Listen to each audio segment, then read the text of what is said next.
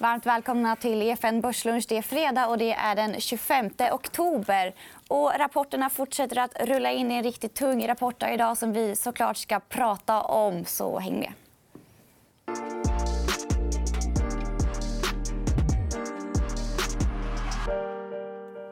Ja, och vi säger välkomna till Nils-Erik Lundgren. Välkommen. Lars-Erik. Lars-Erik. Nils-Erik Lundgren. Var kom det ifrån? Den gamla Nordea-ekonomen. Ja. Exakt. Ma- Mattias Eriksson, men framför allt säger jag välkommen till Essities vd Magnus Groth. Välkommen. Tack så mycket.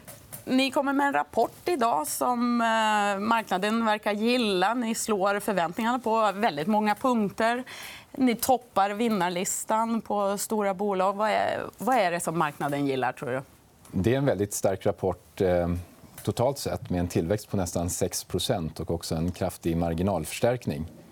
Och det kommer dels genom alla de åtgärder som vi vidtagit sen vi splittades av då från SCA för två och ett halvt år sen. Men i det här kvartalet har vi dessutom draghjälp för första gången av lägre råvarukostnader. Och det ger sammantaget då den här fina effekten. Och, och, pappersmassapriserna de har ju gått er väg. Som av en händelse så har vi en liten graf på hur ni har lyckats ta ut det i marginalerna. Här ser vi det. Där.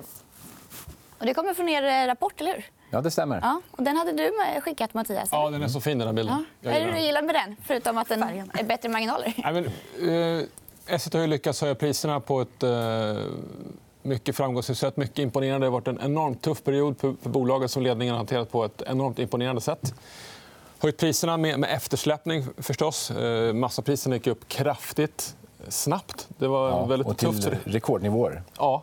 Eh, Så priserna kom i eftersläpning. Ändå har volymerna gått upp, eh, vilket kan förvåna. Eh, Och sen då, nu blir det eftersläppning åt andra hållet. För då, när man har höjt priserna, som kommer med eftersläppning så nu när massapriset går ner så får ni ju en skjuts av de lägre kostnaderna också. Så det gör ju väldigt mycket på, på marginalen. Vilka områden eh, ser du starkast mot framtiden? Då? Ja, det som var kul det här kvartalet det var ju att egentligen allting gick bra. Då. Alla kategorier och alla geografier.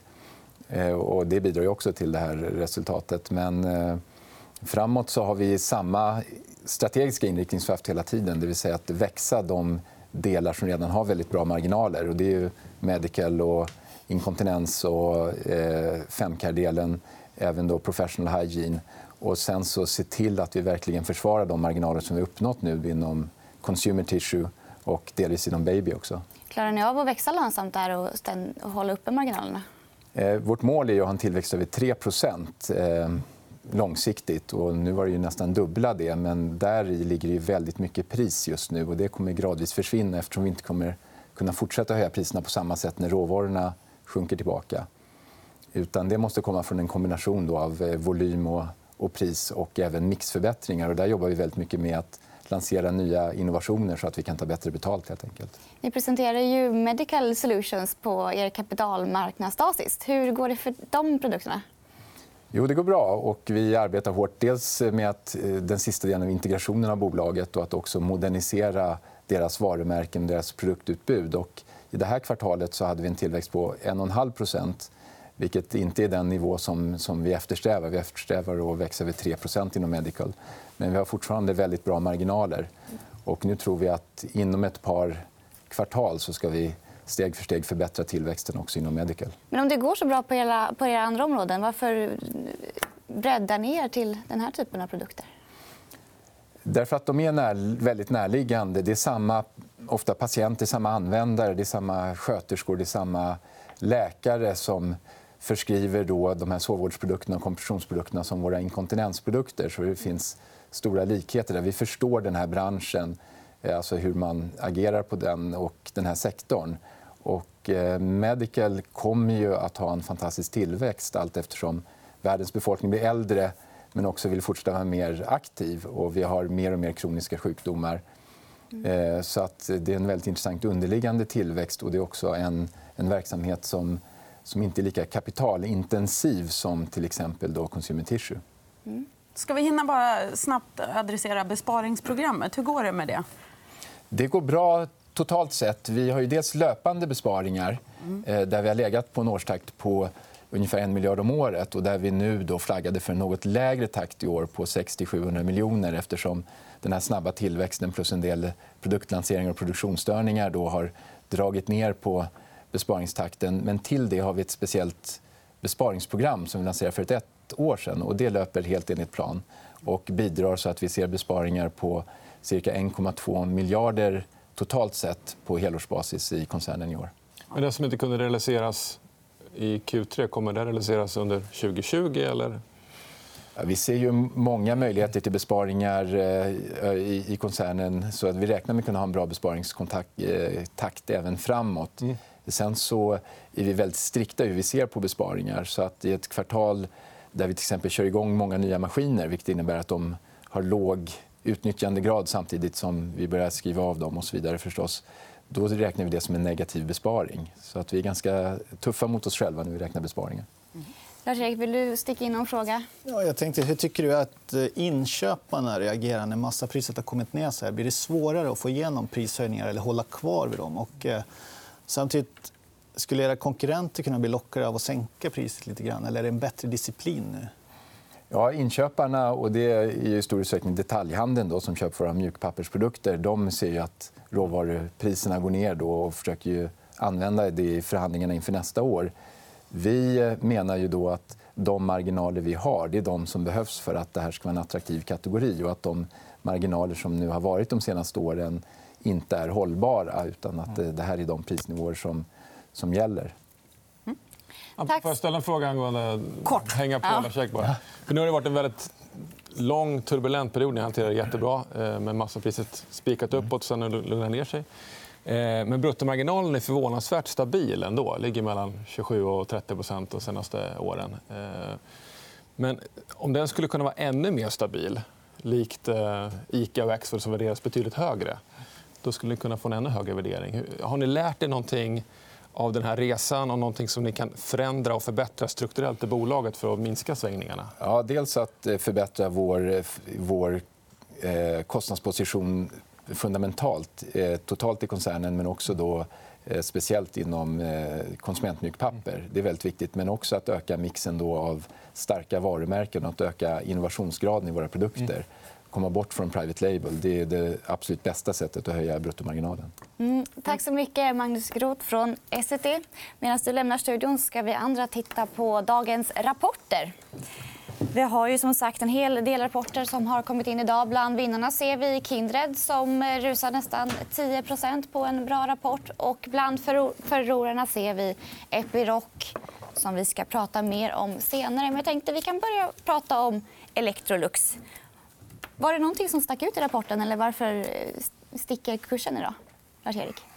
Electrolux slog i förväntningarna på, på kort sikt. Electrolux har ju redan tidigare under det här kvartalet tagit en stor engångscharge. Så att, eh, jag tror att man var positivt överraskad ändå att man höll siffrorna in i mål här. faktiskt. Mm. Eh, och, eh, tittar man bara grovt på första sidan på rapporten så ser allting bra ut. Under ytan var det väl lite små, små saker som gjorde en besviken. Det var framförallt organisk tillväxt. Och professional products var också kanske lite av en besvikelse. Vad hittar du under ytan? Som... Jag tyckte det mesta var dåligt. faktiskt. Eh, det är ju en negativ organisk tillväxt eh, i USA och Europa. Visst, bättre än väntat. Eh, men, men professional products sticker verkligen ut med minus 7 Eh, när man dessutom ska särnotera det så, så sticker det verkligen ut som någonting, mm. någonting väldigt negativt. Så jag, jag, så du tycker det är konstigt att de stiger så mycket? Då? Ja, jag köper inte aktier på det. Vi har ju en graf här på professional products också.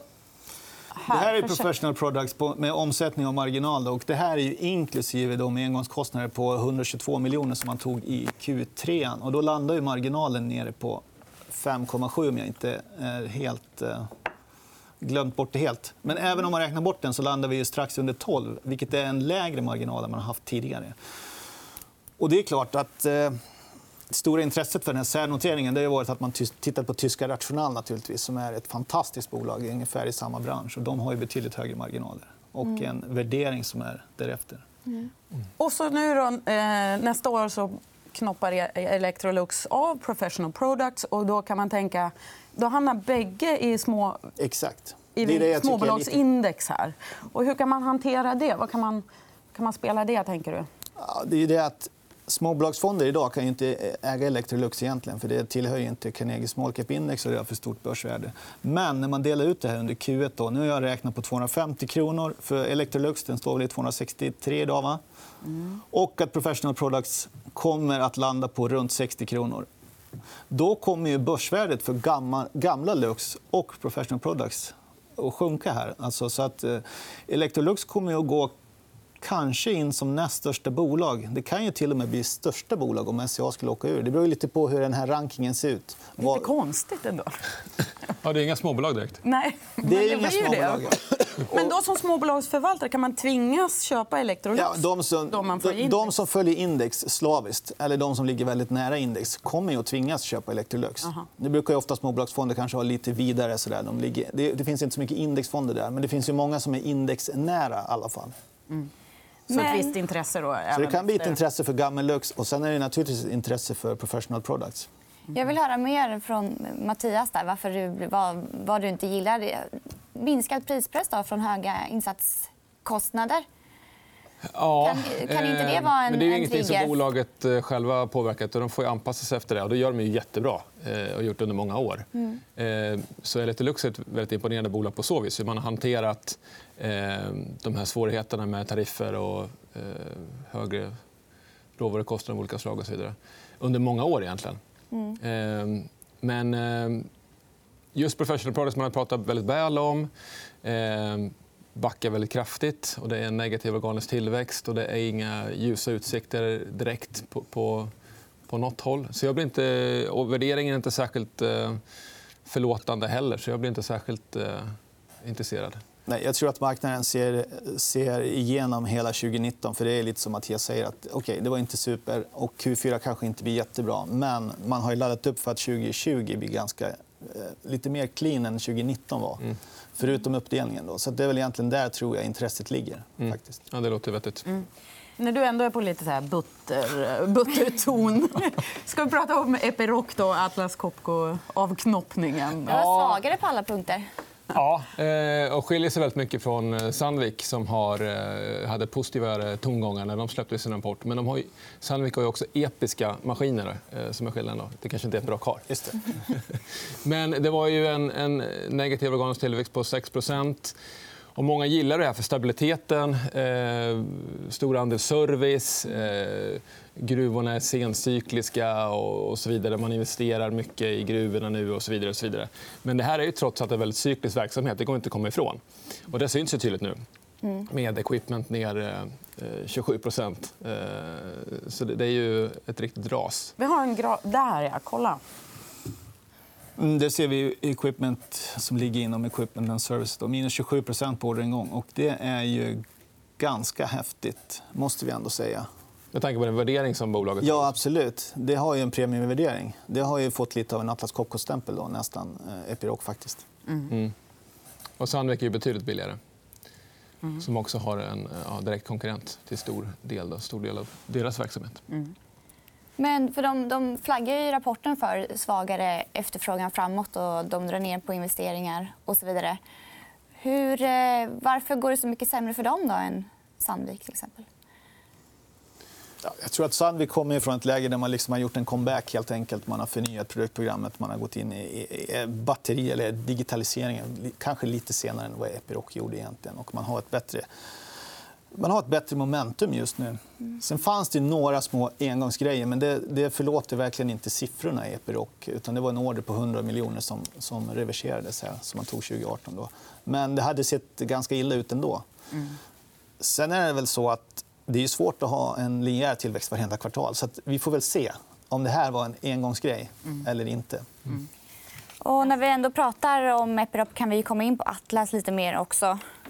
Vi har eh, en eh, kursgraf på Atlas först och främst. och Sen så har vi även en bild över eh, Atlas Copcos negativa vinsttillväxt. Ja, jag har fått den där av eh, Olof Larshammar på DNB. Eh, och jag tycker det är intressant när aktien har gått 60 eh, på ett år och, och year to date också eh, utan att vinsten har gått upp eh, valutajusterat. Bolagen är mer eller mindre valutadopade. Eh, och värderingen har dragit iväg eh, nåt enormt. eh, och inte minst då relativt liknande relativt sektorn så ligger ju värderingspremien på 40-50% Jag har en graf Vi på ev ebit också som Ja. visar att Och den eh, ligger väl på det ja, drar det? iväg. 18 ungefär. Där. Eh, vilket är betydligt över sitt historiska snitt och eh, enormt mycket högre än vad liknande bolag värderas till. Så man har ju en... en eh, eh, ja, framförallt förvaltarkollektivet i Sverige fullständigt älskar ju Atlas Copco. Vilket är lite, eller väldigt överdrivet. Det är ett jättefint bolag. Eh, men eh, värderingen är ju skyhög. Vi måste komma in också. Tiden börjar rinna ut. Vi måste hinna prata lite om Thule och lite om Swedish Match också. Kan vi börja Verkligen. med Swedish Match? Lars-Erik, du har inte så mycket att säga om det bolaget, va? Så vi lämnar Nej. över till Mattias. Ja, men det var väl en riktig rökarrapport. Tycker Ja. jag. 8 organisk tillväxt. Det som är intressant med eh, Swedish Match är syn. Eh, Det här tobaksfria, eh, snu, ja, snusliknande eh, vit produkt eh, med, med nikotin som säljer som så står härliga till, framförallt i USA. De levererar 13,5 miljoner doser eh, i, kvartalet. växer enormt bra. Nu kommer konkurrensen öka förvisso, men det kommer ju driva tillväxten eh, många år framöver för, för Swedish Match totalt, eh, för hela koncernen.